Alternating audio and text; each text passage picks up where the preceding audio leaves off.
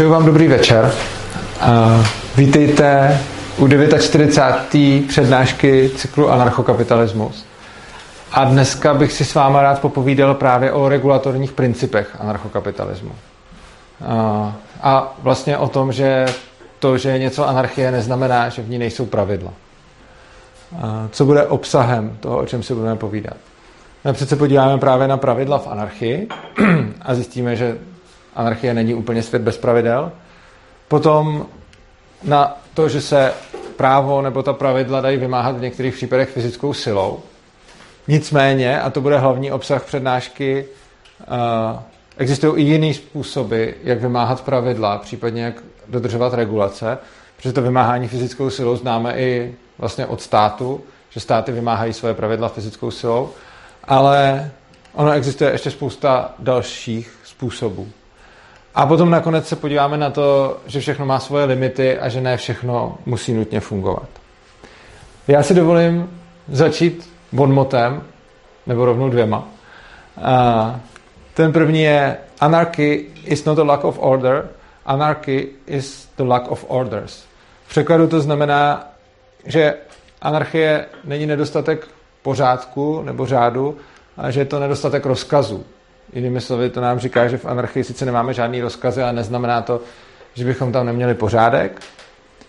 Druhý bon mod, anarchy means no rulers, but not no rules.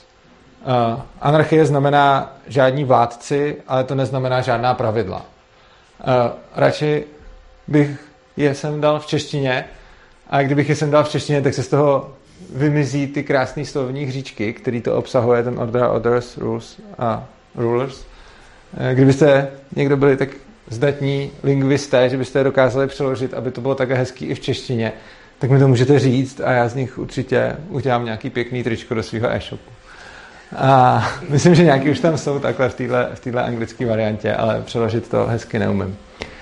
A, každopádně pointou je, že společnost, každá, a teda i anarchie, potřebuje nějaká pravidla a, protože lidem se potom líp žije. A pravda je, že tam, kde vzniká, tam, kde je nějaká poptávka, tak tam vznikne tržně i nabídka. Což znamená, že pokud vycházíme z toho, že lidi mají nějakou potřebu pravidel, a já jsem přesvědčen, že mají, protože to usnadňuje a ulehčuje život, tak potom, bez ohledu na to, jestli máme stát nebo nemáme, ta pravidla budou vznikat a může je zajišťovat i trh, když je poptávka po pravidlech, tak eh, trh pravidla nabídne. A když se podíváme na to, jakým způsobem pravidla vznikají, no tak uh, napřed řeknu ten způsob, který asi všichni známe líp, protože žijeme ve státech. A to je, že nám je někdo nařídí z hora. Že tady máme nějaký politiky, uh, který si volíme, ale dřív jsme si je ani nevolili, ale je prostě někdo, kdo má tu sílu, kdo, má, kdo je hegemon, kdo má ten monopol na násilí a nařídí lidem, jak mají žít. na to jsme si zvykli a vlastně si to neumíme představit jinak. A znáte to určitě, pokud třeba sledujete na YouTube nebo tak nějaké moje přednášky nebo živě, tak kdykoliv mluvím o policentrickém právu, tak je to pro lidi těžko představitelný. Pro mě taky bylo hodně dlouhou dobu. Uh, Nicméně to není jediný způsob, jak můžou vznikat pravidla. Pravidla můžou vznikat i jinak.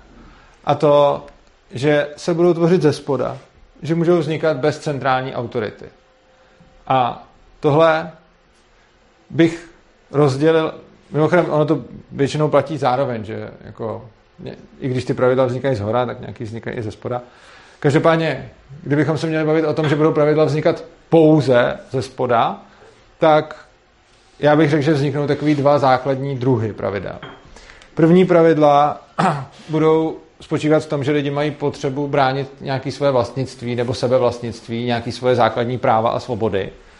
A tohle nějak tak víme, že si lidi jsou ochotní bránit i silou a jsou ochotní to vynucovat a když nemají nějakou autoritu, která to vynucuje, tak uh, oni si to takhle uspořádají sami, uh, že existuje nějaký respekt ke vlastnictví, eh, který až na nějaký absolutní výjimky, když se podíváme třeba nějaký kibuci a podobně, tak eh, ho lidi vlastně skoro všude v historii aplikovali, protože se to ukázalo jako výhodný způsob řešení konfliktu o zdroje.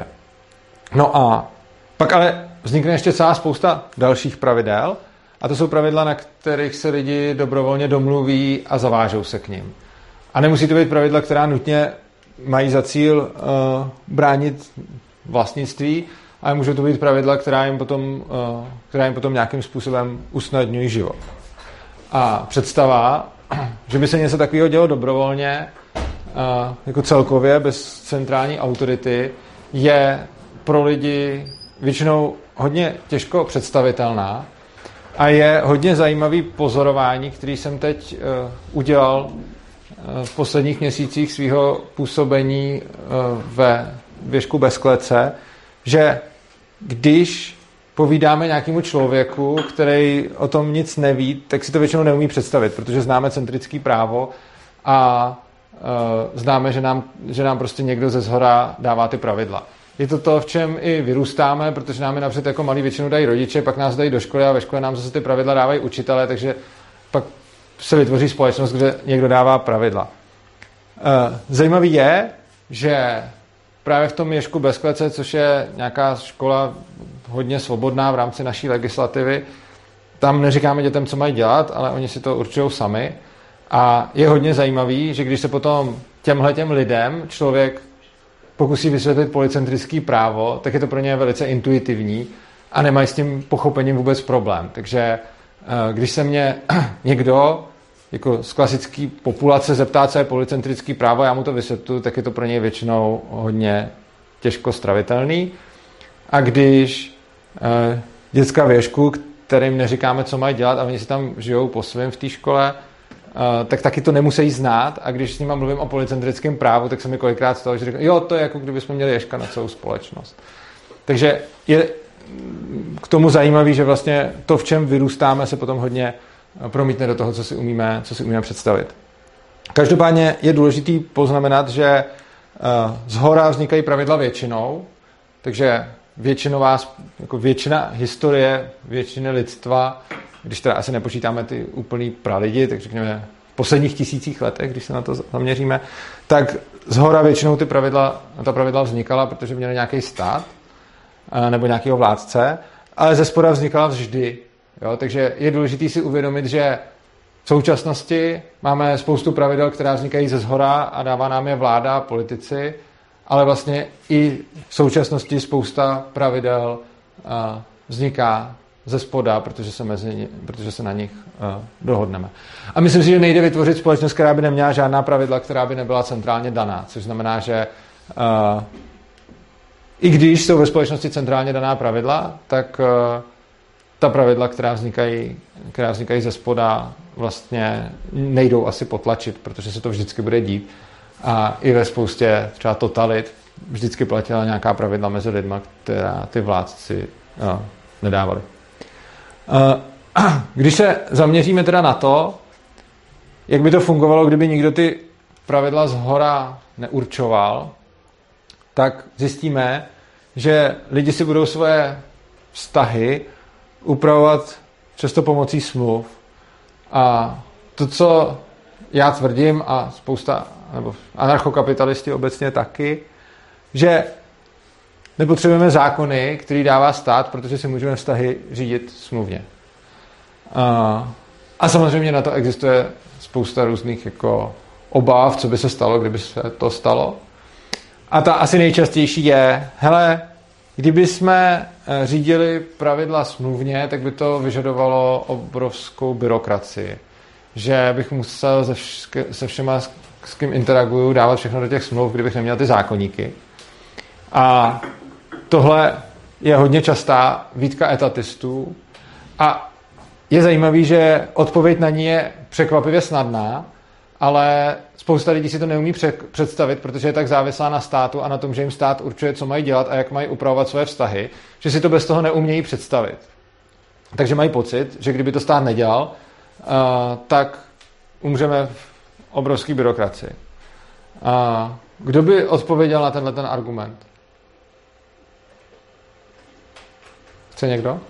Tak asi by byly firmy, které by spravovaly nějaký jako vzájemných smluv? Jo, eh, je to, jedna, je to jedna z možností, že by někdo nabídnul rovnou svoji službu takovým způsobem, že tam, že když chci něco zajistit, jako dneska se můžeme podívat třeba na cestovku. Někdo chce jezdit na dovolenou po své ose, protože si to víc užije, a někdo chce jezdit na dovolenou s cestovkou, takže někoho napadlo, hele, eh, ty lidi budou všichni chtít se tam nějak dostat, pak se tam budou chtít nějak ubytovat, pak tam budou chtít dělat nějaké podobné věci a místo toho, aby dělali nějakou transakci na všechno to, tak jim uděláme tuhle tu službu v balíku. Eh, za předpokladu, že by tady nebyl stát, tak by určitě někoho napadlo, hele, lidi většinou chtějí zdravotní pojištění a většinou taky chtějí uh, nějakou ochranu práva a většinou chtějí, já nevím co, všechno ještě k tomu. Chtějí asi třeba hasiče a tak dále. Uh, tak jim to můžeme nabídnout celý balíku a vypadalo by to podobně. Ano? Nemuseli, ale pravděpodobně ty větší by spíš měly, uh, protože když se chceme zavázat k něčemu, co je komplikovaný nebo velký, tak tam ten papír docela často potřebujeme. Ale nemus, je pravda, že smlouva není ten papír, ten papír je spíš důkazem o té smlouvě. To jsem tady určitě říkal v nějakých přednáškách v minulosti.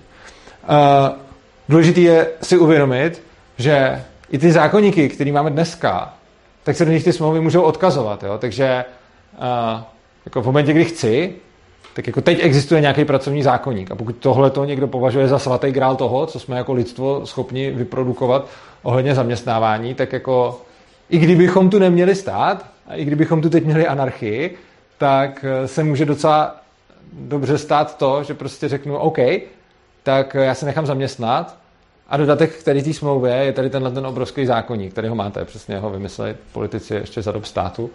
A, a jako v pohodě, jo? takže Zajímavé na tom je, že vlastně ty zákony, které už teď existují, se dají klidně dál použít jako doporučení nebo jako se dají využít. A pokud by po nich fakt byla potřeba, tak by vznikaly takový i dál a někdo by je updateoval nějakým způsobem. Eh, a kdyby byly dobrý, tak by lidi používali a kdyby ne, tak ne. Samozřejmě by vznikalo hodně verzí, takže by se ten zákonník práce určitě forknul a spousta lidí by na něm nějak pracovalo a nakonec by se z něj vyházely ty nesmysly a zbylo by tam to, co je potřeba. Což mimochodem krásně, jako tohleto srovnání těch dvou věcí na tom zákonníku práce fakt hezky ilustruje, uh, jak moc je vlastně ten stát blbě. Jo? Mám zákonník práce, všichni musí podle něj uzavírat smlouvy a když někdo chce uzavřít smlouvu tak, jak zákonník práce nepovoluje, tak má smůlu. Oproti tomu, kdyby se celý zákonník práce vydal jako doporučení, tak lidi, kteří ho potřebují, si můžou podle něj uzavírat pracovní smlouvy a lidi, kteří ho nepotřebují, si je uzavřou uh, stranou jinak, za jiných podmínek. A samozřejmě, kdyby se tohleto doporučení používalo, tak by určitě někoho napadlo dělat z toho nějaký jako verze toho. A potom by se to dá používalo a ty dobré verze by fungovaly a ty špatné verze by nefungovaly. Což samozřejmě politici dneska nemůžou, protože mají tu jednu verzi, podle které se všichni musí řídit, takže nemají ani zpětnou vazbu, co je na tom vlastně dobrý a co je na tom jako špatně. tak. Takže to by bylo, to, to je ten první argument. Uh, druhý argument, který jsem napsal taky docela častý, jak by se teda řešily nějaký drobné transakce nebo mikrotransakce, prostě, nebo nějaký jako drobný interakce mezi lidma, když by všechno muselo být jako smluvní a tady na to už vlastně zazněla odpověď. Uh, ta smlouva nemusí být nutně jako ten papír a může vznikat implicitně, podobně jako dneska a to by mohlo být v anarchii bez státu úplně stejný. Takže uzavřete s někým implicitní smlouvu, ani nic nepodepisujete a vlastně jste se normálně dohodli. A poslední námitka by byla klasická, jak, jak ty smlouvy vymáhat, kdybychom neměli stát. A zase na to mám přednášky o policentrickém právu, ale ve zkratce by se dalo říct, ve výsledku by se to stejně dalo vymáhat silou, akorát ta síla by nemusela být monopolní a mohlo by být eh, víc mm, subjektů, který by nabízeli tu službu a ty by mezi sebou mohli tržně soupeřit. Je možná ještě napadla jedna věc, že mm-hmm Eh, že teoreticky třeba v tom ANCAPu eh, by se úplně eliminovaly některé smluvní strany. To znamená třeba, když jako vezmeme třeba finanční systém, tak vlastně tím, třeba Bitcoin, že to se vlastně úplně eliminuje jedna smluvní strana, ano. ta banka, tím pádem jako taky ubyde, jak by Ano, souhlasím. To je pravda. Uh, tak. A teď se podíváme v krátkosti. Hlavní, co se, čemu se budu v té přednášce věnovat, budou uh, regulace, ke kterým nepotřebujeme sílu k jejich vymáhání, které jsou společenský, ekonomický a podobně. Ale než se k ním dostaneme, tak se pro úplnost podíváme na to, že k některým to některý takhle nejsou a že něco fakt ještě vymáháme silou. A to jsou vlastnický práva. Eh, když někdo naruší něčí vlastnictví nebo sebevlastnictví, eh, tak to lze řešit silou a není nutný používat ekonomický nebo politický tlak a negativní práva je možný vymáhat násilím. Tohle s tím v podstatě se shodne každý anarchokapitalista, vlastně jako na tom nic moc není. Mám tady takovou, takový dodatek, že pacifisti si to třeba nemyslí, anarchopacifisti si myslí, že ani ta obrana by nebyla dobrá silou a k tomu bych jenom řekl, že ten jejich pohled sice nezdílím, ale čím dál víc mu tak nějak rozumím, že chápu i pohled lidí, kteří říkají, že by vůbec nepoužívali jakoukoliv sílu a že by se jí zřekli. Nicméně normálně v anarchokapitalismu je počítáno s tím, že vlastnický práva lze hájit a více o tom je na přednáškách právě o policentrickém právu. Můžete je najít v kanálu Svobodného přístavu, je jich tam docela hodně, někteří se také přímo jmenují, někteří se jmenují třeba anarchokapitalismus soudnictví nebo anarchokapitalismus vymáhání práva. Uh, takže, takže tam se můžete dozvědět víc. No a uh, to teda znamená, že část regulací v anarchokapitalismu, to je ta první část, kterou bych jako chtěl vyřešit a přestat se jí zabývat, uh, vyplývá vlastně z obrany. Z toho, že se bráním, z toho, že bráním svůj majetek, vyplývá nějaká část regulací. Reguluji tím jednání potenciálních útočníků, zlodějů a tak dále, tím, že oni očekávají, že když na mě zautočí nebo mi něco vezmou, eh, že bych eh, proti něm já nebo někdo, kdo mě bude zastupovat, mohl použít sílu. Eh, což vytváří ve společnosti regulace i ve státu. Nicméně to není až tak jako zvláštní, protože tohle jsou regulace, které používá ten stát taky, že když chce něco prosadit, tak vyhrožuje silou a ty lidi to potom nedělají a tím regulují své chování. Takže kdykoliv stát vydá nějakou regulaci, tak se jí lidi buď si ji teda nějak obcházejí, a když ji neobcházejí, tak ji respektují, protože se obávají toho, že by jinak byla silově vynucena. Tak. A když jsme uzavřeli tohle, tak se můžeme konečně podívat na ty, mm, na ty způsoby, jak dosáhnout regulací ve společnosti, která by mohla být plně decentralizovaná, nebude tam mít žádnou centrální autoritu a žádný zákony a přesto existuje spousta způsobů, jakým můžu dosáhnout, jakým můžu vytvářet regulace. Ten první způsob je ostrakizace. Tím koriguju jednání nějakých jedinců ve společnosti. Základ čeho je, že zdraví vztahy jsou obou straně dobrovolný. Mimochodem zajímavý je, že když tohle to řeknu, jako třeba jako 10 z 10 lidí na ulici řekne, ano, zdravé vztahy jsou obou strany dobrovolný. Ale potom, když se řekne, že by to taky nemuseli být třeba jenom mezilidský vztahy, ale že by to mohly být taky i třeba obchodní nebo pracovní vztahy, tak tam už, no, když se jim to ještě takhle řekne, obou strany dobrovolný, tak řeknou fajn, ale potom, Maria, a jak můžeš někoho zaměstnat za, a, a minimální mzda je důležitá. A všechno, což je mimochodem všechno proti obou strany dobrovolnosti uh, pracovních nebo obchodních vztahů jo, nebo při, jako, jak, jak prodávat za nějakých podmínek a všechny ty regulace a, a hygienické předpisy a to všechno jsou zásahy do, eh, do obou strany dobrovolných vztahů. Jo? Jakože, takže každý sice řekne, jo, vztahy by měly být obou strany dobrovolný, to je v pohodě, ale přece nemůže tady být restaurace, která bude provozovat eh, jídelnu bez toho, aby jí tam mohla přijít kontrola z hygieny, což narušuje ty obou dobrovolné vztahy, protože obou strany dobrovolnost samozřejmě je, že restaurace si vybere, jestli chce mít nějaký certifikát hygieničnosti nebo nechce a zákazník si vybere, jestli do takové restaurace chce nebo nechce chodit. O zákazu kouření nemluvě. A, takže výsledkem... Ano, říká někdo něco, nebo se mi to zdálo? Mám asi slyšení. Tak. A, jinými slovy, nemusíme interagovat s nikým, s kým interagovat nechceme. Jo, to je další věc. A, jako obrovský halo bylo, když nějaký věřící pekař nebo homofobní pekař, já nevím přesně, co s ním bylo, v Americe odmítnul nějakému gay páru upéct e, dort ke svatbě, což jako, můžeme si myslet cokoliv o tom, jestli je homofobní nebo, nebo co s ním je, ale zase mělo by být jeho právo s nima prostě neinteragovat, když nechce. Stejně tak by mělo být právo kohokoliv odmítnout, jakýhokoliv zákazníka z jakýchkoliv důvodů.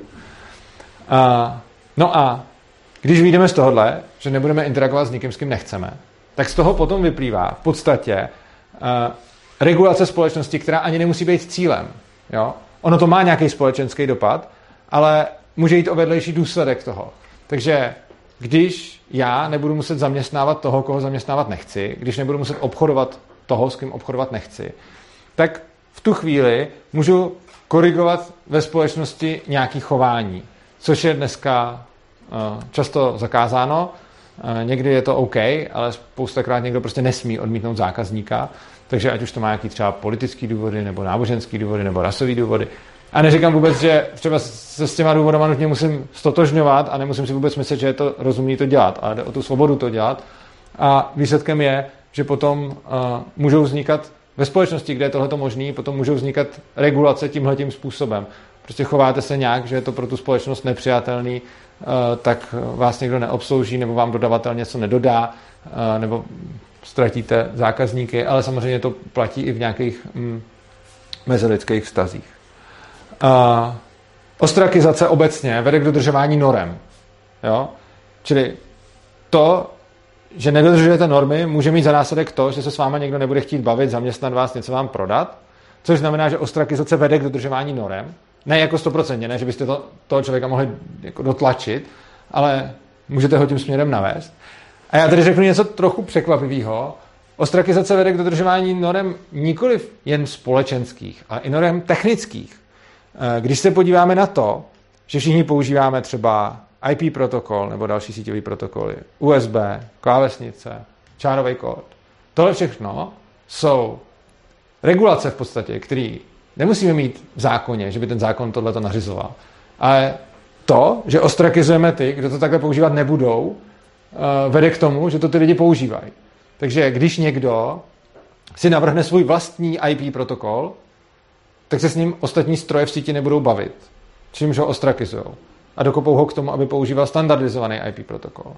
Když někdo udělá pevný disk USBčkem, a to USBčko, ale nebude podle USB standardu, ale bude podle jiného standardu, tak si ten disk nikdo nekoupí, protože ho nikdo nebude moc používat. Když někdo udělá klávesnici, na který přehází ty písmenka, tak si ji taky nikdo nekoupí, i když by mohl. A neudělá to, protože se na tom bude blbě psát.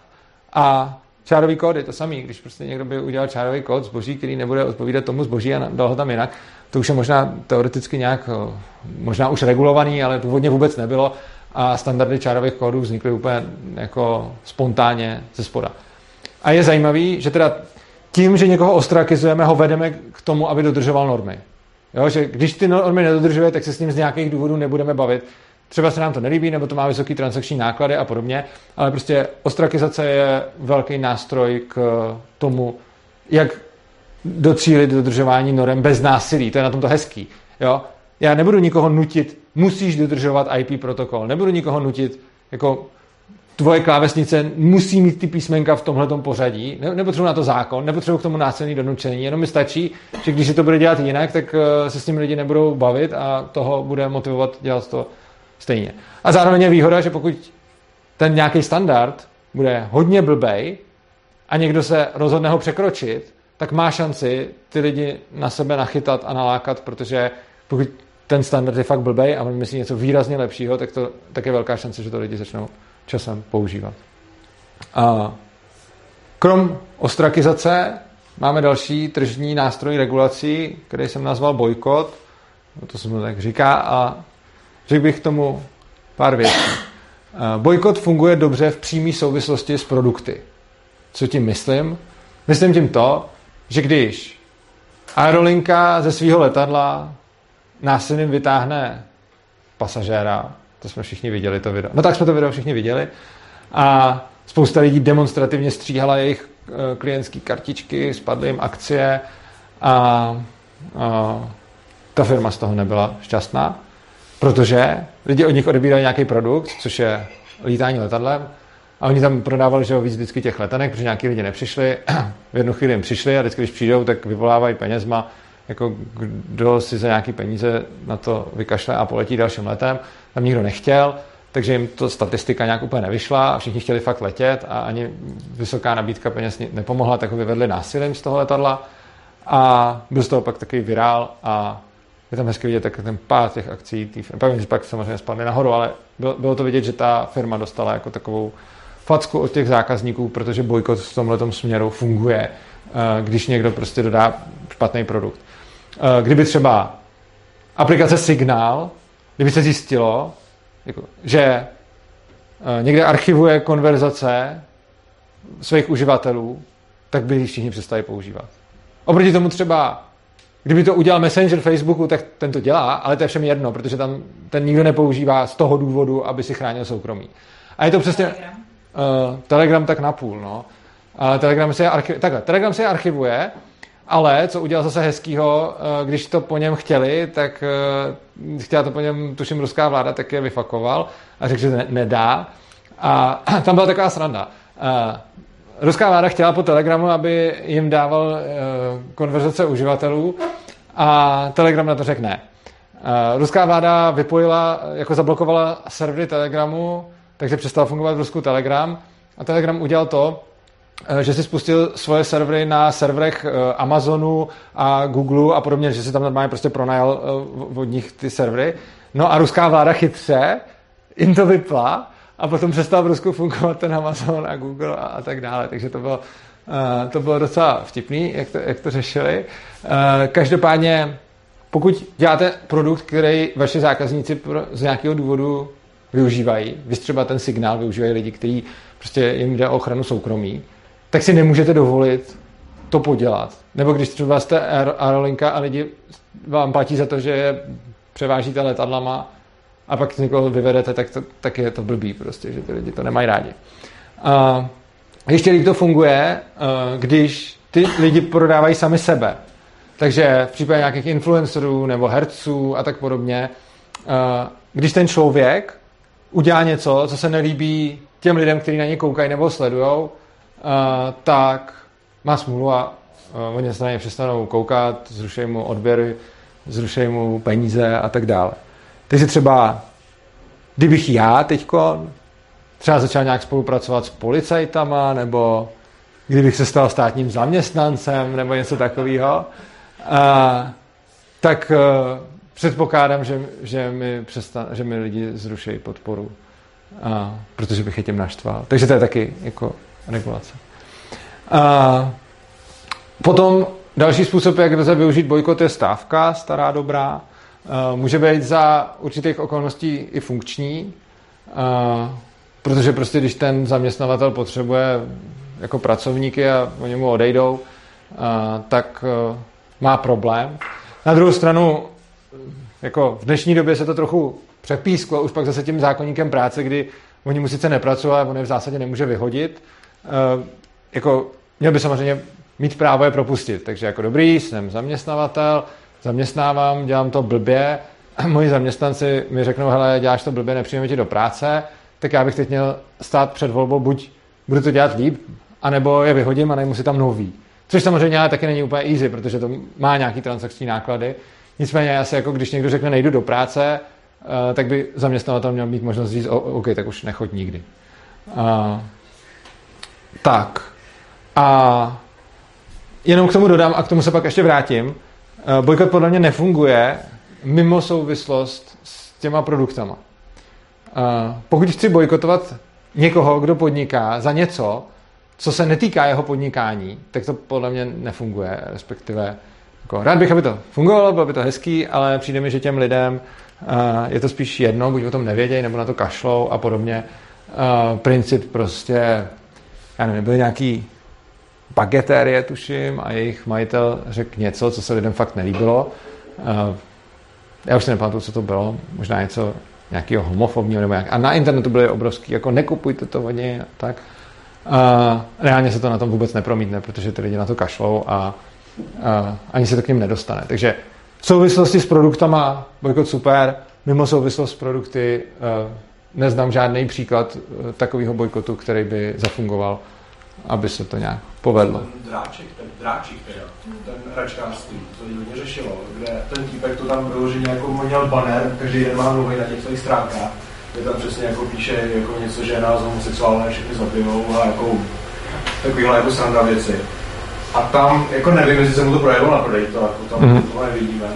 Ale jako vím, že hodně lidí jako to jako sdílelo, jako, že to mělo docela velký jako mediální ohlas. To jo, ale ono, tyhle ty věci přesně můžou mít, a to, to, co já říkám, je, že ono to má mediální ohlas, ale pak se to neprojeví na tom, že by ta firma najednou zkrachovala nebo že by šla nějak do háje těma tržbama. A je to podobné jako třeba velký ohlas mělo bojkotování Babišových výrobků, nic od něj nekupujte, ale to je přesně ukázka bojkotu mimo souvislost s produkty. To je prostě, on je debil a je blbý předseda vlády, tak nekupujte jeho uzeniny. To nefunguje. Jako, byly tady takové iniciativy, jsou apky, abyste si mohli skenovat čárový kód a řekne vám to, jestli Babiš jo nebo Babiš ne, ale nic z toho neudělalo, nic na tržbách jeho firm, co by se dalo pozorovat prostě. Ale teda tam to mělo ještě ten efekt, že Lego s jako smlouvu, že jako... Ano, to může to, ano, může to mít, tuhle, může to mít tenhle ten efekt, že naštvete nějakého jednotlivce, že naštvete nějakého třeba dodavatele a podobně. Takže tohle se, tohleto se stát může, že vy si děláte PR nějak a naštvete tím někoho, co s tím PR není v souladu s jeho, takže Lego zase uh, chce podporovat LGBT, takže uh, potom mu může vypovědět smlouvu, což je otázka, jaký on měl obrat z Lega. Jo? Uh, ne, nevím. Uh, otázka je, jestli ta firma dál normálně funguje a uh, prostě je prosperující nebo není, to asi nějak se časem ukáže. Přesně tak, takže no. Ale jako, uh, myslím si, že jako, kdyby udělal něco, jako kdyby tam napsal, uh, ne, homosexuálové nás zničí, a kdyby třeba napsal uh, fakani jsou blbí a, uh, a něco takového a prostě něco antidětského třeba, tak si myslím, že by to mělo mít, to by už mohlo mít větší dopad na něj, protože to už s tím produktem souvisí víc.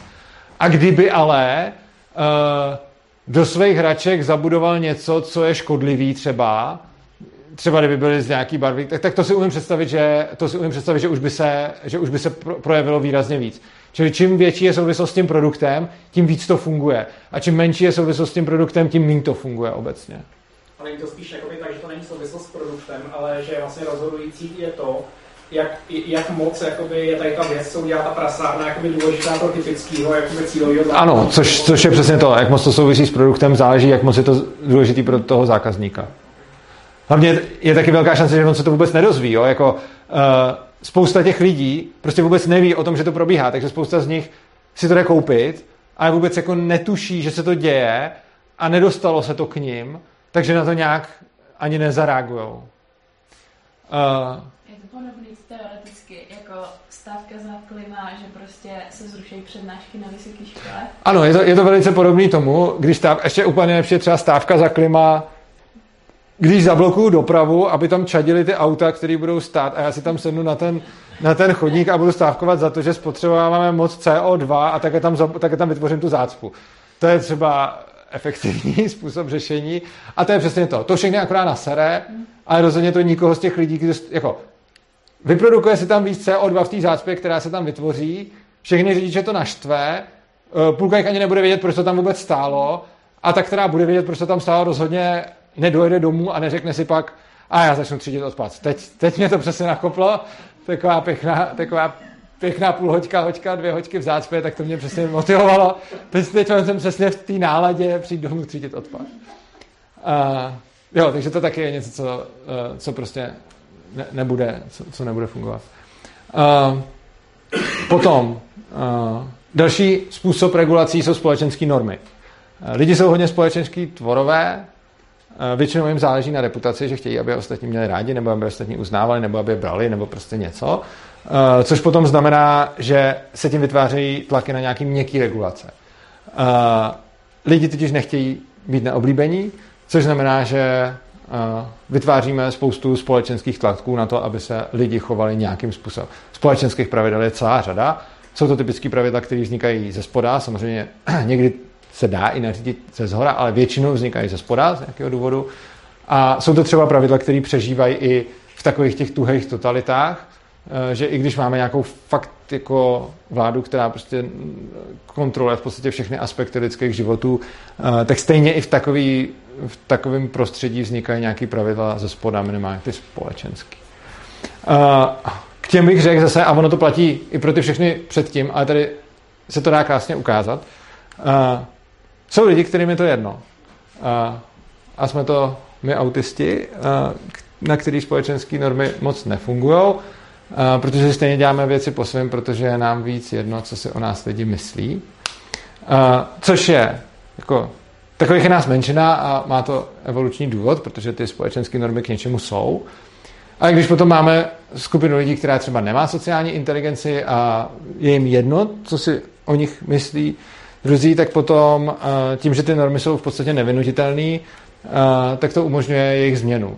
Takže prostě, když je nějaká norma, a to platí i pro ty normy třeba ohledně těch ostrakizací a podobně, já jsem to tady trochu zmiňoval u těch technických, ale u společenských to platí taky, když je nějaká norma, která je nesmyslná, třeba někdy měla význam, ale postupem času ten význam ztratila, tak potom jsou lidi, kteří se na tu normu vykašlou a tím, že se na tu normu vykašlou, eh, způsobí to, že se ta norma začne měnit. Protože pokud to, že na ní kašlou, se začne líbit ostatním lidem, tak uh, oni se k tomu přidají a třeba si řeknou, hele, to vlastně mám tímhletím, tímhletím způsobem taky. Tak. A teď se dostanu k, ke svým úplně nejoblíbenějším regulacím. A to jsou regulace, které vlastně miluju. A jak nemám moc rád regulace a jsou mi neúplně příjemný, tak je jedna skupina, která, která je fakt jako boží. A dobrá řešení čehokoliv svým způsobem působí jako regulace špatných řešení. A když dáte lidem lepší řešení, jak dělat něco, tak přestanou to dělat jako blbě. Takže je to, jako, nefunguje to zdaleko u všeho, ale u spousty věcí, i důležitých věcí, funguje to, že když vymyslíte nebo přijdete s něčím nebo nějak docílíte toho, že najednou lidi mají lepší řešení, tak oni sami rádi opustí to řešení, který není tak dobrý. Krásný příklad, dětská práce. Jo. Když budete mít chudou zemi, kde je dětská práce, tak to můžete zakazovat horem dolem, jak chcete a oni stejně budou pracovat, protože potřebují neumřít hlady. Uh, ty zákazy nebudou fungovat. Ta regulace v uvozovkách, nebo, která funguje, je, když nebudou muset a zbohatnou, tak oni ty děti nebudou posílat do práce. Před chvílí jsme se tady bavili o ekologii. V momentě, kdy budete mít chudí lidi, kteří mají horko těžko co dělat, aby vyžili, aby se uživili, aby uživili svoje děti, tak vám budou spíš kašlat na to, jaký mají životní prostředí. V momentě, kdy máte bohatý lidi, kteří si to můžou dovolit, tak mají naplněny nějaké základní potřeby a pak se začnou zajímat o to, uh, kde můžou si dál zlepšovat svoje prostředí. A prostě, když máte hlad a je vám zima a jste nemocný a umírají vám děti, tak je vám celkem jedno, jestli někdo zasvinil les tím, že do něj nasypal pneumatiky. Prostě to je momentálně mimo vaší, jako, mimo to, o co jste se schopný starat. V momentě, kdy se vám povede nějakým způsobem uspokojit svoje základní potřeby, tak pak vás třeba začne zajímat, jestli někde někdo hodil pneumatiky do krásného čistého jezírka. A taky budete mít mnohem menší incentivu je tam házet sami.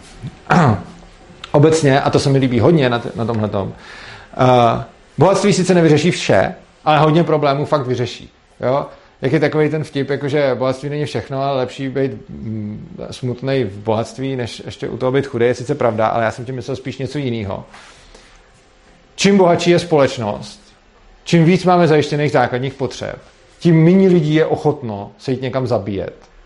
Uh, protože najednou riskují mnohem víc pro daleko méně. V momentě, kdy zase je vám, hlad, máte, je vám zima, máte hlad, uh, nemáte čím nakrmit svoje děti a, a, a jsou nemocní a víte, že když vezmete zbraň a půjdete se někam s někým postřílet, tak buď umřete, ale když neumřete, tak třeba vezmete to, co má a najíte se z toho a, a nakrmíte ty své děti, tak uh, to budete spíš udělat, než když jste v pohodě, je vám teplo, máte co jíst a to, co řešíte, je, že si nemůžete úplně dovolit dovolenou na Kanárech, ale musíte teda do Chorvatska a v tu chvíli jako vzít zbraň a jít někam riskovat život, abyste místo Chorvatska mohli jet na Kanáry, není, je mnohem menší šance, že se vám bude chtít tohleto dělat. Takže obecně, čím bohatší máme společnost, tím méně jsou lidi ochotní riskovat svůj život uh, případně jako dělat něco hodně riskantního, protože jim to za to prostě nestojí. V momentě, kdy nemají naplněný základní potřeby v chudé společnosti, tak potom je mnohem větší pravděpodobnost, že budou ochotní jít dělat něco nebezpečného a riskantního.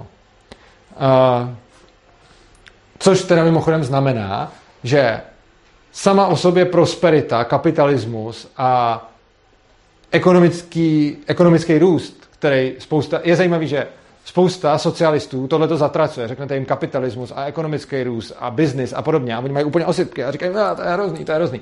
Ale to, co reálně potom, když tohle to necháte plynout a necháte tu společnost bohatnout, tak to, co se reálně děje, je, že klesá třeba míra násilí v té společnosti, což je prostě prostým důsledkem toho, že ty lidi nejsou ochotní potom tolik riskovat, když žijou v blahobytu. Tak. A dostanu se k dalšímu nástroji nějakých měkkých regulací. Je tam dotaz? Nebo? Aha. Ten kapitalismus jako přirozeně jako konverguje jako ke koncentraci, jako bohatství, jakože Uh, jakože, myslíte tím, že uh, kapitalismus způsobuje nerovnosti mezi lidma? Jakože přirozená konvergace je, že prostě tam nevzniká jako, jako equality. Jo, jo, ano. Uh, to je pravda, nicméně vzniká tam to bohatství, a to bohatství vzniká nerovnoměrně, což dává i smysl, protože lidi nejsou stejní a každý produkuje jinak něco jiného. Občas má někdo třeba nějaký skvělý nápad nebo, ho doká- nebo něčí skvělý nápad dokáže hodně speněžit. Takže potom to, co se velice často stane, jako, jak třeba jde samotný vývoj, uh, třeba neexistují ledničky a lidi si nemůžou dávat jídlo do ledničky, potom někdo přijde s tím, že vymyslí ledničku nebo ji dokáže zmarketovat, a jedno, jestli to byl ten vynález nebo ten, co to... A najednou společnost celá zbohatne, každý o trošku, protože všichni mají ledničku a ten, kdo jim ji dodal, zbohatne o hodně. Tak a tím se vytvoří ta nerovnost. Nicméně, tvorba nerovnosti je vedlejším procesem tvorby bohatství, protože tím, že jsme různí lidi, tak nemůžeme tvořit bohatství bez toho, aby jsme vytvářeli nerovnost. To bychom museli všichni dělat to tež. A vzhledem k tomu, že máme dělbu práce, tak prostě ta, ta tvorba toho bohatství bude, hm, řekněme, jiná. Ale důležitý je, že to, co se děje v kapitalismu, je, že vlastně všechny ty vrstvy bohatnou, jenom některý rychlejc a některý pomalejš. Ale není to tak, že by ta chudá vrstva chudla a ta bohatá bohatla. Ono je to tak, že ta bohatá bohatne rychle a ta chudá bohatne taky, jenomže pomalej. Což znamená, že relativní rozdíly bohatství můžou růst, ale absolutní bohatství stoupá. Uh, tam je ta premisa, jestli se bohatství vytváří nebo se jenom přerozděluje, jestli je to jako totál jako... No pokud bereme kapitalismus, tak to určitě není hra s nulovým součtem. Čili když bychom, jako můžeme mít nějaký, nějakou rovnostářskou společnost, která se dostane na to, že tak moc přerozděluje, až zadupe ten ekonomický výkon, a když vezmeme kapitalistickou společnost, tak to vytváří hodnoty. Je to její vlastně přirozenost. Když se podíváme jako na, na všechny jako na tu touhu zbohatnout, tak prostě když kapitalisticky bohatnu, tak musím vymyslet něco, co ty lidi ocení a jim to můžu prodat. Což znamená, že a ty lidi, co tam pracují, tak vytváří hodnoty. Což znamená, že vytváříme absolutní bohatství, tvoříme možná nějaké relativní nerovnosti, jenomže důležité je tohle, co jsem říkal s tím, že ten člověk, který bude spíš válčit, bude ten člověk, který nebude mít splněný základní potřeby, eh, který se týkají toho absolutního bohatství, spíš než toho relativního. I když samozřejmě i to relativní má vliv, protože taky můžu jít zabít souseda, protože je prostě bohatší, ale jak říkám, šance, že to budu udělat, je tím větší, čím méně mám naplněných těch úplně základních potřeb. A když mám naplněný ty základní potřeby, čím víc potřeb mám naplněných, tím menší je šance, že půjdu vůbec riskovat svůj život. Možná, já, teda, já si teda myslím, že to neplatí do že ta válče s že, že tam ještě jako to, co je rozhodující, je, jaký je vlastně jakoby, rozložení síly. To znamená, že třeba myslím, že pro stát to neplatí. Že stát přece, jakoby, většina států se jakoby, by se řekl v podstatě bohatý, ale podle mě oni jsou natolik mocní, že vlastně tím válčením jakoby, jakoby ne, eh, nic moc neriskují. Eh, já, já to myslím ceteris paribus, takže za nezměněných okolností. Myslím tím, eh, když máme úplně stejné rozložení sil. Tak prostě jsou další vlivy, které můžou chuť válčit zase zvyšovat, ale mluvím o tom, že tenhle ten vliv, o kterém mluvím, tak sám o sobě tu chuť válčit snižuje a samozřejmě jsou další vlivy, které můžou zase zvýšit, ale když bude stejný rozdělení moci Eh, jako poměrově stejné rozdělení moci u lidí, kteří nemají co jíst, tak se budou povraždit daleko pravděpodobněji než uh, lidi, kteří budou mít stejný poměrový rozdělení moci, ale uh, budou mít zajištění základní potřeby. A, a. Když takhle odmítně, když bude zbytečně složitý, ale navazuje na ty nerovnosti ve společnosti. Co si myslíš o Kuzněcovově křivce versus uh, nerovnost ve společnosti? On totiž tvrdil, a zdá se, že na ekologii mu to třeba funguje, ano. že kromě toho, že tak, jak jsi říkal s ekologií, tedy, že když dosáhneš dostatečné příčky Maslowy pyramidy, tak najednou začneš být spíš ekologičtější, protože začneš být dost bohatý, aby si do toho koncentroval tu energii zdroje, tak zároveň tvrdil, že ta křivka platí i proto, že do určitého stupně bohatství společnosti ty nerovnosti rostou, ale od určitého stupně bohatství společnosti ty nerovnosti spíš klesají. A to nikoli na nominální úrovni, ale spíš na typu statků, který si ty lidi můžou dovolit. Mám tě na mysli to, nebo on, jestli ho chápu správně, měl na mysli to, že ano, Elon Musk si může dovolit dramaticky víc aut, vozidel, telefonů než ty, ale ty si můžeš dovolit taky stejný typ statku. Můžeš si dovolit to auto, ten telefon a v této úrovni, tedy v tom typu statku, který si může ten velmi bohatý člověk dovolit, zatímco ten chudej nebo středně bohatý ne, od určitého stupně moc společnosti tenhle rozdíl spíš klesá. Jakože může si dovolit letět do vesmíru třeba, ale to množství těch statků, který si může dovolit někdo jiný ne, už je spíš menší než větší. Já nevím. Uh, nevím, přemýšlím nad tím a vlastně nemám na to nějakou odpověď, protože jako, může to tak být, nemusí a já vlastně nejsem schopný sám za sebe říct, uh, jestli bude nebo, jako, nevidím to v tom, ale netvrdím, že to tak není. Prostě... to je napadlo ve vztahu k tomu dotazu, protože existují vlastně i spochybnění vůbec toho, jo, ale jako ty... že ta nerovnost roste... Já tím chci říct, to, co mi na tom přijde, jako, to, co mi na tom přijde, já to nevím, prostě, to, co mi na tom přijde divný je, že my jsme udělali nějaké pozorování, jsou to nějaké empirické data a z toho děláme nějaký závěr, ale my nevíme, jestli za sto let to zase nebude vypadat, že ta křivka jde zase zpátky, a jestli náhodou třeba to není jenom nějaká vlna v tom, jo? Jestli to... Myslím, on to vyslovil teda spíš uh, nikoli na úrovni empírie, ale spíš na uh, úrovni dedukce, protože to říkal někdy v 30. letech to bylo, kdy ještě si nemohl být jistý ani tou ekologií, kdy to předvídal někdy v budoucnu a myslím, že s tou ekologií se to jako plní. E, ne, já mluvím o tom, že když se to zvrátí potom zpátky, tak uh, nevidím žádný důvod, proč by se to nemohlo zase zvrátit tím původním směrem a pak zase. Jakože, že to, co, já, to, co nevím, je, jestli to je trend stoupající a pak klesající, a nebo jestli je to trend stoupající, klesající, stoupající, klesající a v podstatě celkově stoupající jenom v nějakých vlnách. Prostě já to nevím.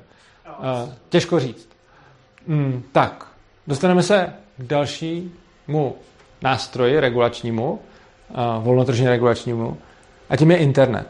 A internet já tomu říkám, že to je technologie s určitým, já tomu říkám spirituálním přesahem a spousta lidí, zejména různě jako ezo lidí, nemá rádo internet, protože nemají rádi technologie. Já naopak mám velice rád internet a technologie a, tahle konkrétní technologie má pro mě obrovský přesah v tom, že si myslím, že mění něco na mezilidských vztazích. Já se o tom budu vyjadřovat ještě dál, ale myslím si, že hodně velká změna je, že nikdy v historii jsme nemohli být tak propojení, jako jsme teď skrze internet. A tohle si myslím, že uh, nějakým způsobem dělá uh, něco víc než ostatní technologie, protože si myslím, že to mění, uh, řekněme, nějakou, nějakou pozici lidstva v toho, co můžou a co nemůžou dělat a jak si můžou být vzájemně, jak si můžou být vzájemně prospěšní a jak spolu můžou sdílet a jak můžou uh, plody své práce okamžitě dávat ostatním, kteří z nich zase můžou na ně odpovídat a, a, a šířit to dál.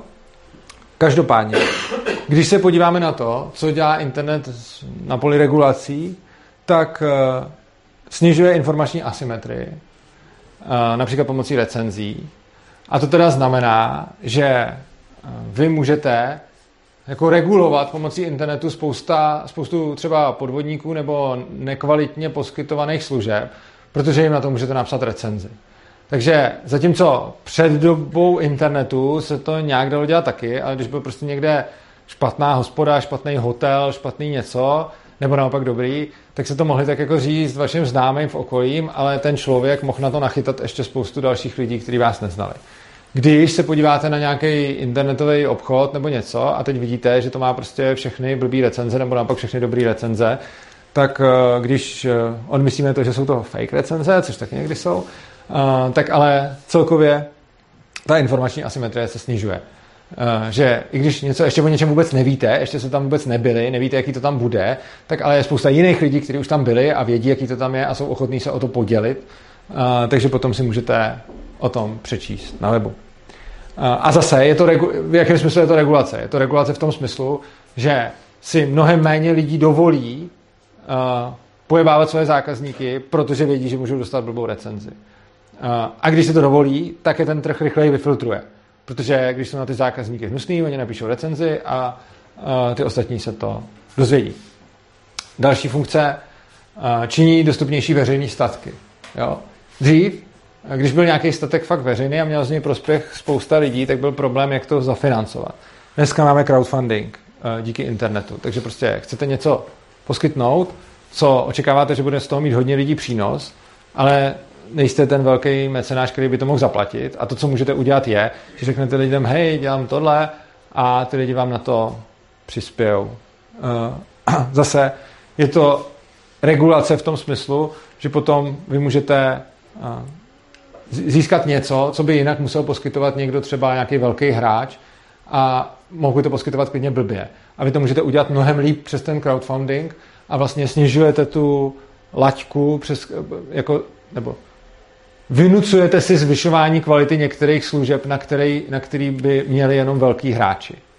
Obecně na internetu uh, se lze decentralizovaně organizovat, což je pěkný termín, to se mi líbilo, když jsem to psal, decentralizované organizování. A malí hráči se můžou sjednocovat a vyvažovat ty velký. A internet v tomhle tom pomáhá.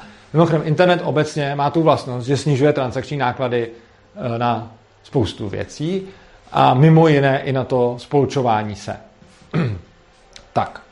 Další věc, eh, která se týká nějakým způsobem regulací, eh, a já za chvíli tím jak, je kmenová společnost. To jste tady určitě nečekali po internetu tribalismus. A kmeny byly původní podobou lidské společnosti, že jsme vlastně dřív, než se společnost propojila, tak jsme žili, tak jsme žili v jednotlivých tlupách. A internet s tím hodně souvisí. Díky internetu vznikají virtuální kmeny. Což znamená, že tím, co dřív byly ty kmeny fyzický, že ty lidi museli být vedle sebe. A i proto říkám, že internet je tak trochu mm, technologie, která má nějaký přesah někam mnohem dál než jenom do technologií. Uh, protože díky internetu vznikají virtuální kmeny. Že nemusíte žít jenom v tom fyzickém kmenu s těma lidma, ale můžete se propojit s lidmi, kteří jste třeba nikdy v životě neviděli a můžete s nima tvořit nějaký kmen. A člověk může patřit do více kmenů, to je taky velká změna, jo? jako na vůbec uspořádání lidstva, kdy dřív jste mohli patřit do kmenu většinou jednoho, nebo, nebo nějak, nevím, málo kmenů. Teď můžete patřit do více kmenů, protože ty kmeny můžou existovat virtuálně. Nemluvě o tom, že v kombinaci s efektivnější dopravou můžete patřit do více kmenů i fyzicky a díky internetu virtuálně. Takže můžete mít spoustu virtuálních kmenů, nějaký fyzický kmeny, mezi kterými můžete efektivněji přejíždět. A co je skvělé, že se tyhle ty věci dají ještě krásně kombinovat. Takže vy můžete mít virtuální spojení skrz internet s vaším fyzickým kmenem. To znamená, že můžete náležet více fyzickým kmenům a když jste s jedním, tak můžete virtuálně komunikovat s tím druhým a naopak. Tohle to nikdy dřív nebylo možné a teď to možný je a znamená to, že člověk si teda může vybírat společenství mnohem svobodněji a může si vybrat, e, kam chce patřit, bez ohledu na to, e, kam patří fyzicky, kde se narodil, e, kdo jsou jeho sousedi, protože dřív jste se někam narodili a v podstatě jste tam byli. A ty lidi, s kterými jste se potřebovali setkat, nebo s kterými jste se mohli setkat, většinou, pro drtivou většinu lidí, byli ty lidi, kteří byli tak z té vesnice, jako, nebo z té vedlejší. Jo, když byl někdo hodně odvážný, tak ještě to dotáh trošku dál.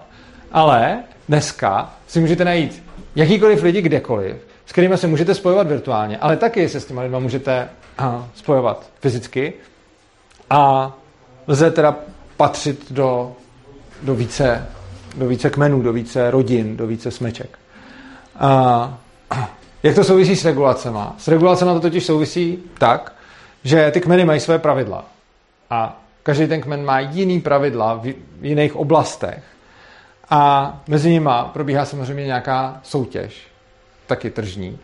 A ty kmeny vytvářejí svoje pravidla samozřejmě, protože když jste v jakýmkoliv kmenu, ať už je virtuální nebo fyzický, tak tam platí nějaký pravidla, eh, ať už komunikace nebo něco jiného. A když někdo nastaví ty pravidla blbě, tak prostě, když dřív jste byli součástí nějakého jednoho kmenu uh, ve vaší vesnici a byly tam pravidla, které vám zrovna nevyhovovaly, tak jste se museli buď ostěhovat, nebo to tam nějak přežít. Uh, teď se dá velice snadno založit ten kmen jiný a konkurovat tomu a založit ty pravidla líp, což zase působí regulatorní silou na každého, kdo ty pravidla vytváří. Uh, důležitý je, že dneska jsou, a vlastně i díky kmenové společnosti, ke který se... Mimochodem, to je, uh, tribalismus je poměrně jako důležitá věc. My se v dnešní současné moderní době znovu vracíme ke kmenové společnosti, respektive máme k tomu nástroje a do obrovské míry se to děje, protože je to právě díky internetu a efektivní dopravě dobrý, protože si ten kmen můžeme mnohem líp vybrat a, a nejsme předurčení k tomu, ve kterém jsme se narodili. A, co se týče flexibility těch pravidel, tak eh, je důležité si uvědomit, že centrální plánovač je z principu pomalej. Jo? Když máte nějaký stát, který vám bude určovat pravidla, tak to celý bude fungovat pomalu. Bude fungovat pomalu tvorba těch pravidel, bude fungovat pomalu změna těch pravidel, bude fungovat pomalu zanikání těch pravidel, a, protože ten centrální plánovač nemá přístup k vašim potřebám. I kdyby chtěl, tak nemá. Oproti tomu aktéři trhu reagují na ty své potřeby okamžitě. Takže vy máte nějaké potřeby a okamžitě se projevují do toho, co děláte, co si kupujete, s kým se bavíte a tak dále, čímž utváříte nějaký pravidla, který, jako jste, jste jejich spoluautory, pravidla, které se kolem vás tvoří. Ten plánovač s vašimi potřebami není v kontaktu, což znamená, že to všechno dělá s obrovským spožděním, což můžeme vidět. A uh, decentralizované pravidla jsou teda pružný a vznikají, zanikají a aktualizují se podle potřeby.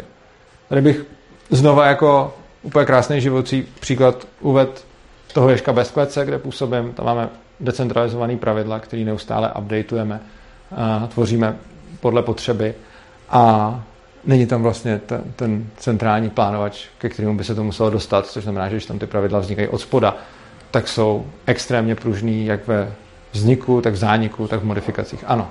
Ty, eh, když říkáš, máte běžku decentralizovaný pravidla, myslíš tím decentralizovaný od nějaký autority mimo Ješka, nebo v rámci Ješka máte eh, v těchto třech lidech spolu domluvený něco a tam v téhle dvojici něco jiného? Uh, obojí dvojí vlastně.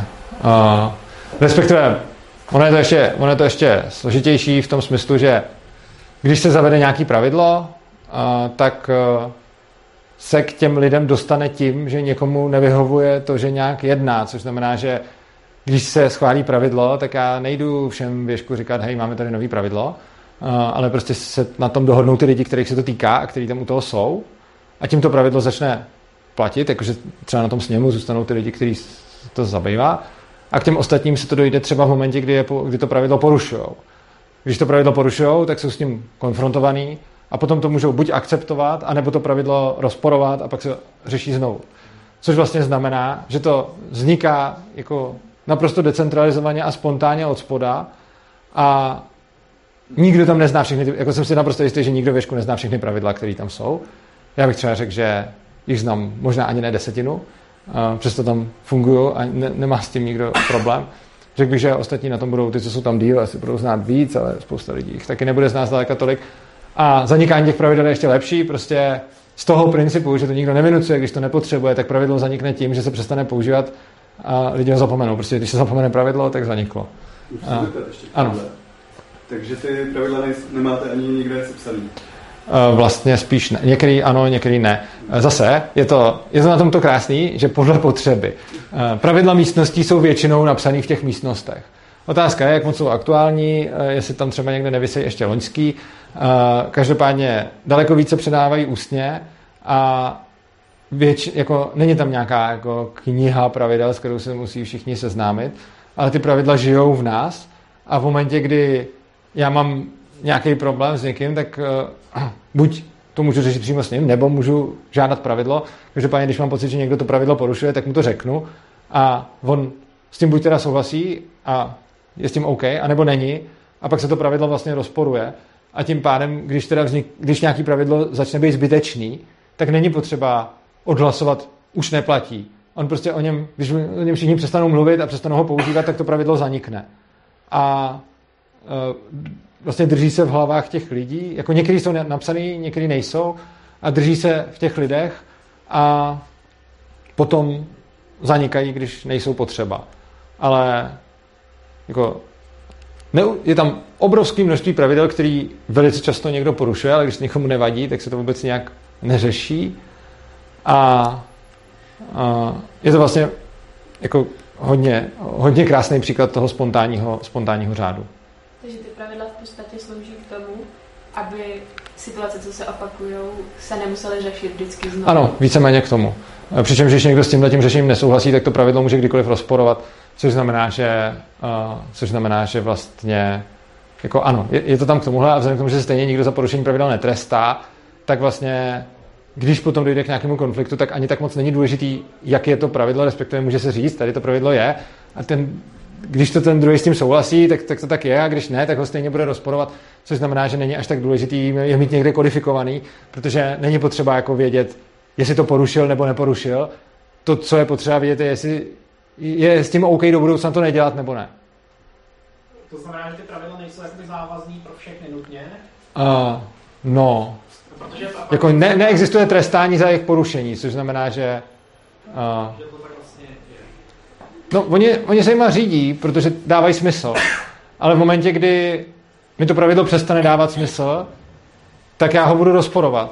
A můžu kdykoliv, takže Uh, ne, jako tam, tam se dá představit hypotetická situace, uh-huh. že třeba to pravidlo by jakoby, jakoby platilo jenom nějaký skupině lidí, ano. dobře definovaný, ale nějaký jiný skupině, jakoby, ano. jiný interakce vlastně Ano, a takové situace tam jsou. Uh, zrovna teď jednu takovou řešíme. Uh, dokonce jsou tam i pravidla, o kterých si různí lidé myslí, že mají různý výklad, dokonce i někdy velice odlišný výklad. Uh, nicméně ono to nevadí, jakože třeba teď tam jedno jsem takový narazil, uh, který bylo jako nějak roky starý. A prostě půlka školy si myslela, že to je nějak, druhá půlka si myslela, že to je nějak jinak, ale vzhledem k tomu, že nikdy nedošlo k nějakému konfliktu, uh, tak prostě půlka školy se řídila podle jednoho pravidla, druhá půlka podle jiného a vzhledem k tomu, že se, dokud se nic nestalo, tak nebyla potřeba to nějak otvírat. A v momentě, kdy dojde k nějakému jako nedorozumění nebo konfliktu, tak se to pak otevře, ale vlastně je jedno, jak to bylo nastavené do posud, protože nikoho nepřehlasováváme, není to demokracie, takže se na to musíme znova shodnout. Takže když je potom konflikt, tak to, o co jde, je, jak se to pravidlo nastaví nově a je vlastně úplně jedno, jak bylo nastavené doteď, protože pokud s tím někdo nesouhlasí, tak to ukazuje, že to pravidlo není dobrý. Takže v momentě, kdy máme pravidlo, který někoho omezuje, nelíbí se mu, nemá ho rád, tak to je signálem k tomu, že je potřeba to udělat nějak jinak. A je vlastně úplně jedno, jak to pravidlo vypadalo doteď a to jediné, na čem záleží, jak to bude vypadat dál ještě zaujalo vlastně, jak jste nazval jakoby označení místností, že pro vás je vlastně pravidlo. Uh, ty, ne, že ty místnosti mají pravidla v sobě. Že místnosti mají pravidla. Takže jednotlivé místnosti mají svoje jednotlivé pravidla, které typicky slouží k tomu... Ne, ne, typicky, souhlas, typicky ty pravidla slouží k tomu, že tam děcka třeba chtějí něco dělat a když se tam někdo chová nějak jinak, tak jim to ničí, nebo tak, tak prostě jsou tam určené věci, co se tam nesmí dělat, ve smyslu třeba, že jsou nějaké místnosti, ve kterých se nesmí jíst. A že s tím nějak souhlasí, že je blbý tam jíst. Ale kdyby někdo měl nějakou potřebu tam jíst, tak se to otevře a bude se to řešit tak dlouho, dokud se všichni neschodnou, jaký budou pravidla pro jezení v té místnosti. tak. Ale není tohle to jiný, než je třeba i v? Tam, tam je demokracie. Ano, jsou různé svobodné školy, kdy třeba teď jsme byli s Gabrielou přednášet v liberecké Sudbury škole, kde s náma potom po besedě řešili hodně eh, to, že oni tam mají demokracii a hlasujou a my máme koncenzus. A oni právě, někteří z nich chtějí přejít na koncenzus a někteří z nich se toho bojí, protože říkají, já nechci těm lidem vysvětlovat, jako nechci prostě někomu jednomu vysvětlovat, co má dělat, když všichni ostatní si myslí něco. Je to o rozdílném přístupu k té filozofii, kdy oni říkají, uh, potřeby většiny převažují nad potřeba menšiny a my říkáme, je úplně jedno, kolik lidí to chce, prostě dokud nemáme konsenzus, tak, eh, tak to řešíme a není OK kohokoliv přehlasovat, ať je jeden nebo, ne, nebo je jich prostě 20. A i když je tam jeden jediný hlas proti, tak to bereme tak, že ten hlas ano není o nic větší nebo menší než ten hlas ne a, a naopak a je vlastně jedno, kolik lidí si myslí co a záleží na tom, jakým způsobem se to řeší. Můžu ještě mít jeden dotaz? Ano. Eh, já ti věřím prakticky, že to funguje, ale teoreticky, když nad tím přemýšlím, je hrozně zvláštní, že lidi s různými hodnotami mm-hmm. se dokážou shodnout na stejném pravidle. Tak mi příklad, že pro někoho je důležitější, nevím, čerstvý vzduch a pro někoho teplota a venku je zima. Jeden chce větra, druhý nechce. Tak mě zajímalo, jak, jak to, to... No, to bys viděl, jak to někdy... uh,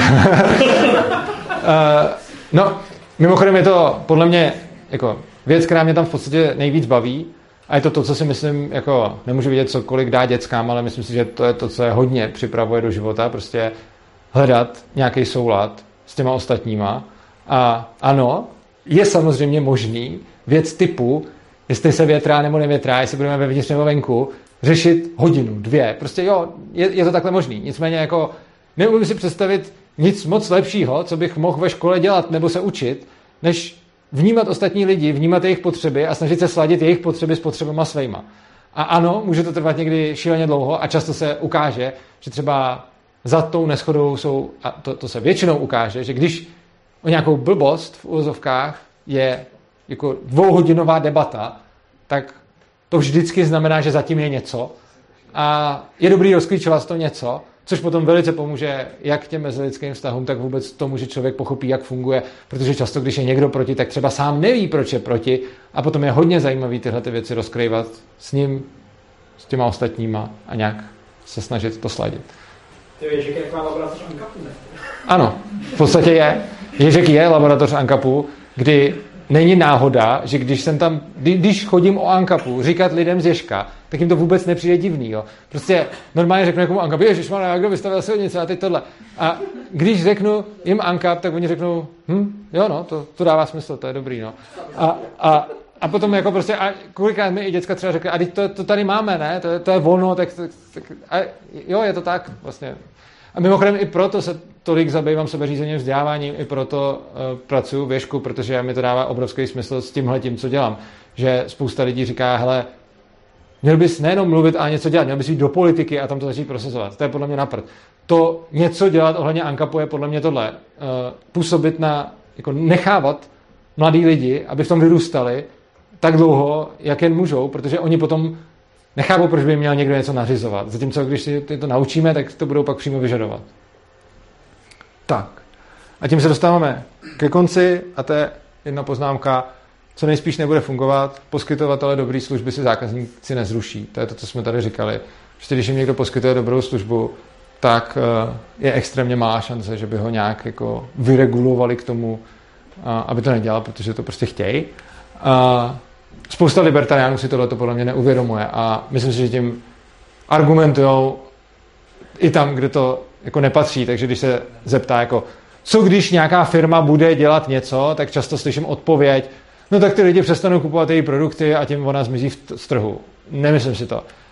Co když nějaká firma bude vypouštět eh, znečištění do řeky, přestanou si kvůli tomu lidi kupovat vodní produkty, protože jsou levný? Ne, nepřestanou. Uh, jako nějaký jo, ale bude jich tak málo, že to nebude mít žádný vliv.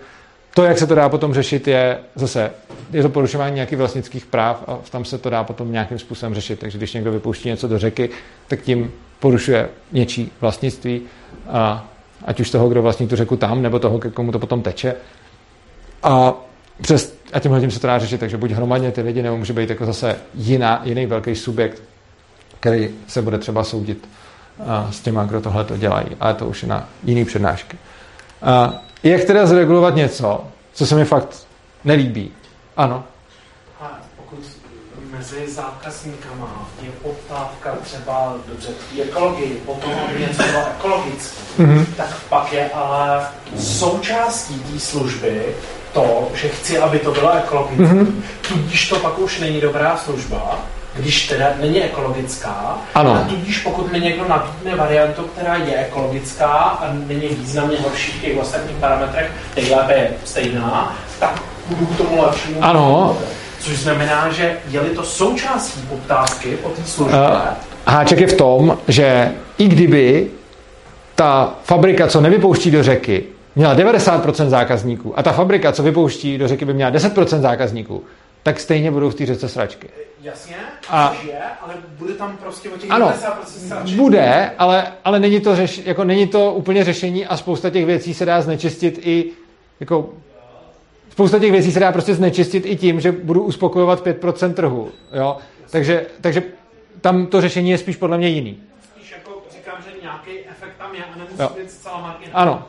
Otázka je, jak zregulovat něco, co se mi fakt nelíbí a zároveň to neporušuje vlastnický práva. Jo? Takže prostě nelíbí se mi, že někdo má nějaké hodnoty, nějaké principy, já mu to tam nebudu nakupovat, ale nějaký jiný lidi mu tam stejně budou nakupovat, takže on dál přežije a bude dál dělat něco. Znečištění řeky ne, tam ho může napadnout ten vlastník, ale prostě někdo uh, prostě má nějaké hodnoty, které nezdílím, tak u ně nenakupuju, ale vidím, že ostatní u ně nakupují a on furt dál funguje. Uh, odpověď na to je podle mě, že nejspíš nijak. Uh, takže nejde prostě zregulovat všechno a lidi prostě budou mít nějaké svoje názory.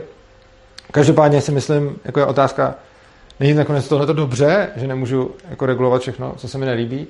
Na to jsou podle mě dvě odpovědi. První je moje oblíbená odpověď. Vzhledem k tomu, že je to jeho svoboda to dělat, tak je dobrý, že to nejde zregulovat. A pak existuje ještě jedna odpověď, která bude mít smysl pro většinu lidí. Když můžu regulovat já jeho, tak může regulovat on mě. Takže když já můžu někomu jinému ovlivňovat život jenom proto, že žije tak, jak se mi nelíbí, tak on může to stejný dělat mě systematicky. V momentě, kdy se vzdám této možnosti, tak oni potom nebudou moc zasahovat do toho mě. Tak, na závěr, co jsme si řekli. Anarchie není absence pravidel. Tady jsme o tom hodně mluvili. Často se řekne, že anarchie znamená svět bez pravidel. Tady jsme měli přednášku, kde jsem přes hodinu mluvil jenom o tom, jaký jsou v anarchii pravidla. Sebevlastnictví, vlastnický práva, svobody, negativní práva lze bránit silou a decentralizovaná pravidla vznikají spontánně. Jsou flexibilní při jejich vzniku, zániku, úpravách. Tady bych vypíchnul to svoje nejoblíbenější regulovat lze i přinášením lepších řešení. Pokud se vám něco nelíbí, skvělý je vymyslet, jak to dělat líp a tím automaticky zregulujete to, co se vám nebude líbit. Jo? A to, to je podle mě jako hodně dobrý, uh, hodně dobrý, jako hodně dobrý si uvědomovat. A je to i dobrý přístup k životu, jo? Jako, že něco se mi nelíbí, tak buď můžu jako nadávat na to, že to je blbě, anebo můžu přijít s něčím, jak to dělat líp, uh, což hodně třeba funguje v mezilidských vztazích, ale to jsem odbočil. A není podle mě žádoucí, aby šlo zregulovat cokoliv. Jako, vy si nemůžete naplánovat svět tak, aby byl podle vás a stát vám často říká, že jo, a je to taková past, taková iluze, kdy vám stát líbí, hej, tak si pojďme demokraticky odhlasovat, že ten svět bude tak, jak se vám líbí. Jo, to je něco. Omezuju někoho, protože mně se to líbí jinak. To je cesta do pekel, protože on bude pak omezovat mě, protože se mu to bude líbit jinak. Což znamená, jedna věc je, když někdo porušuje moje práva, bere mi moje svobody, tak se proti tomu ohradím. Druhá věc je, někdo žije tak, jak se mi nelíbí, tak ho pro Boha nechám žít tak, jak se mi nelíbí. A uh, nebudu vůbec volat po tom, aby ho šlo zregulovat, protože když se to děje, tak potom se to děje i na druhou stranu samozřejmě. A, tak. A tady je pozvánka na příští přednášku, která bude v únoru, protože v lednu přednáška nikdy není uh, po Silvestru. Uh, takže další bude v únoru, protože já budu na lyžáku s Ješkem, tak přednášet bude Tereza a ta vás provede historii psychoaktivních látek, takže se budete bavit o drogách, což bude takový přeskokan ke konferenci. Konference je 18. února a je to konference o drogách a zbraních. Můžete ji najít buď na stránce konference.urza.cz anebo na Facebooku v událostech Svobodného přístavu. A ta přednáška Terezina bude ve středu 1. února v 19 hodin zase tady a ve čtvrtek 2. února bude livestream, to se akorát vrátím z toho lyžáku, takže až přijedu z Ježkovského lyžáku, tak potom bude mít livestream. A livestream bude o zbraních, to je takový kombo, že přednáška se nám bude o drogách, livestream potom bude o zbraních, budu tam mít hosta z Lexu a, a potom bude 18. února konference o drogách a zbraních dohromady. Tak, to je vše.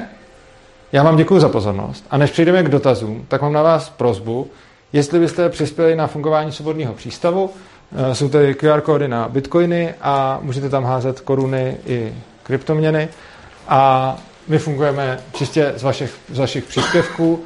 Eh, nebereme žádný peníze od státu ani jinak a všechno to, co děláme, včetně konference a podobně, uh, je vlastně z toho, co nám dáte. A zároveň vás chci vybídnout k tomu, že pokud máte nějaké dotazy, tak mi, je, tak mi je můžete klást. Má někdo nějaký dotaz přednášce? Ano? Já se mluvím, já neslyším. Víc nahlas mohl by to?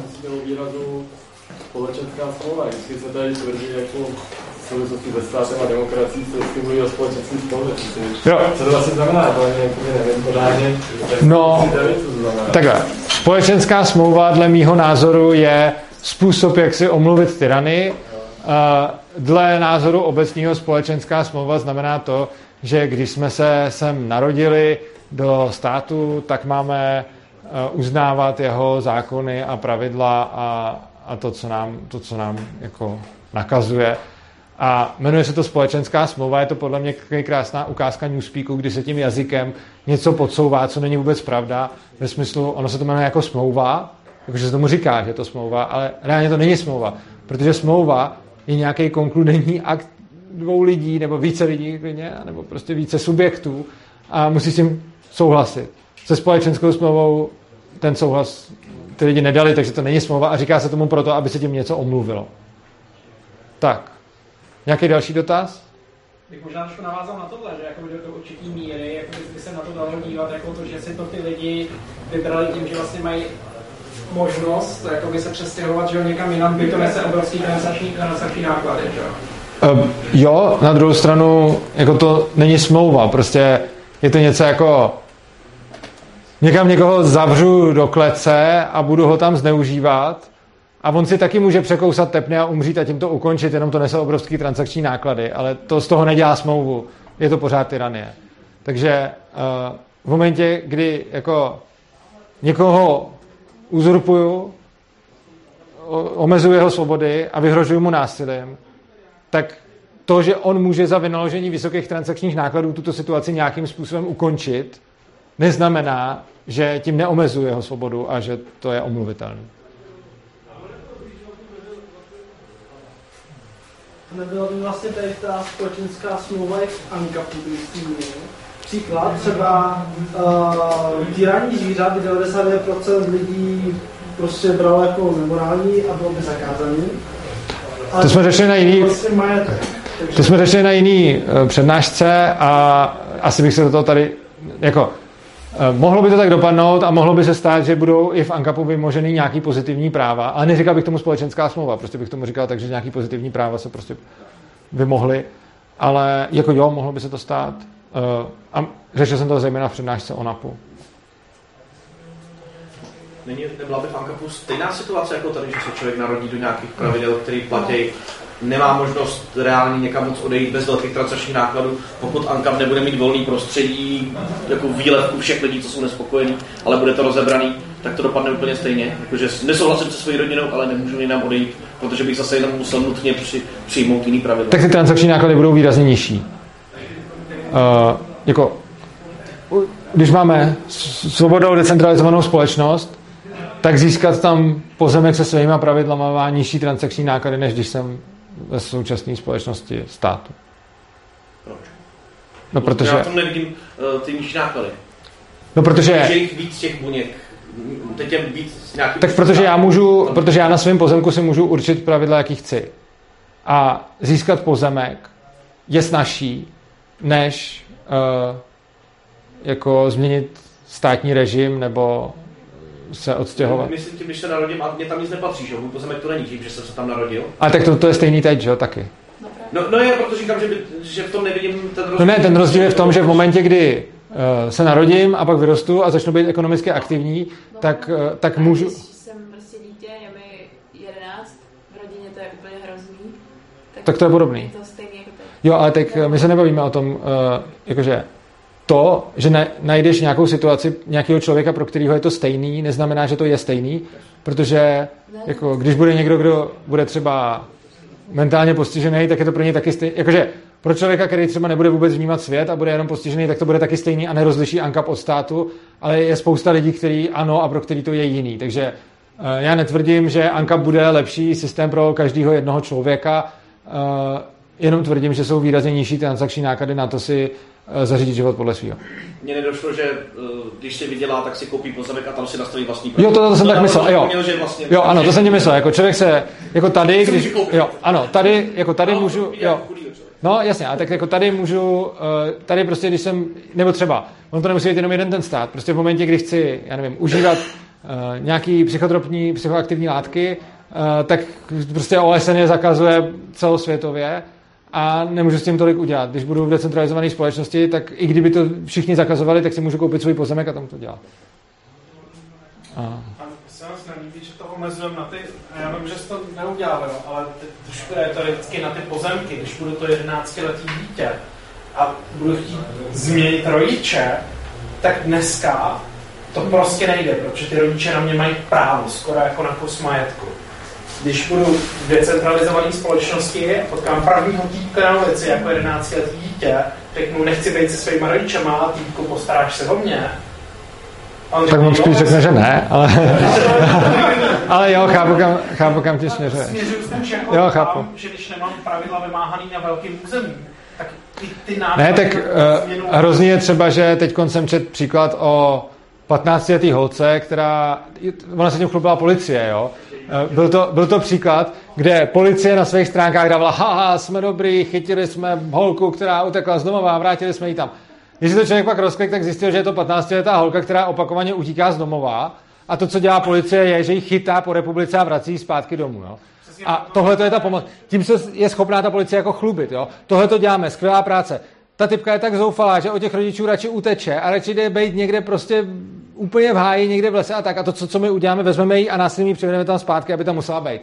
To je jako krásná ukázka toho, že prostě jako se řekne, dobře, a v Ankapu, co když, ten, co když ta 15-letá holka prostě se rozhodne, že půjde k někomu jinému, nebo co když bude prostituovat za peníze? Jo, no, ona si to vybere, asi proto, že to doma bylo hrozný. Co se stane teď, když je to doma hrozný, ale není to na to, aby to zrovna spadlo do kolonky, kdy ji ospod odebere? Prostě ona žije v tak hrozných podmínkách, že z nich opakovaně utíká. Dle ní samotný jsou tak hrozný, že v nich nechce být a je ochotná být radši v nějakých jiných hodně blbých podmínkách. A to, co dělá stát, je, že tam posílá lidi, kteří ji berou a opakovaně ji vrací domů do, do toho místa, kde ona zjevně nechce být. A tohle je to, proč jako lidi říkají, že ten stát jako potřebujeme, protože co kdyby byla ta holka ve špatné rodině? No tak když bude ve špatné rodině, tak tam ta policie bude furt vracet, aby tam musela být. Oproti, takže kdo by v Ankapu vracel holku, která uteče z domova rodičům zpátky tam, odkud utekla? No, snad nikdo. A bylo by to dobrý. Jako, jsem že ten nižší transakční náklady nemusí být ano, s tím souhlasím. Tak. Má ještě někdo nějaký dotaz? Dobrá. V tom případě vám moc děkuju, že jste přišli. Mějte se krásně a doufám, že přijdete znova v únoru a že přijdete i na konferenci 18. února. Tak se mějte hezky a uživejte se života.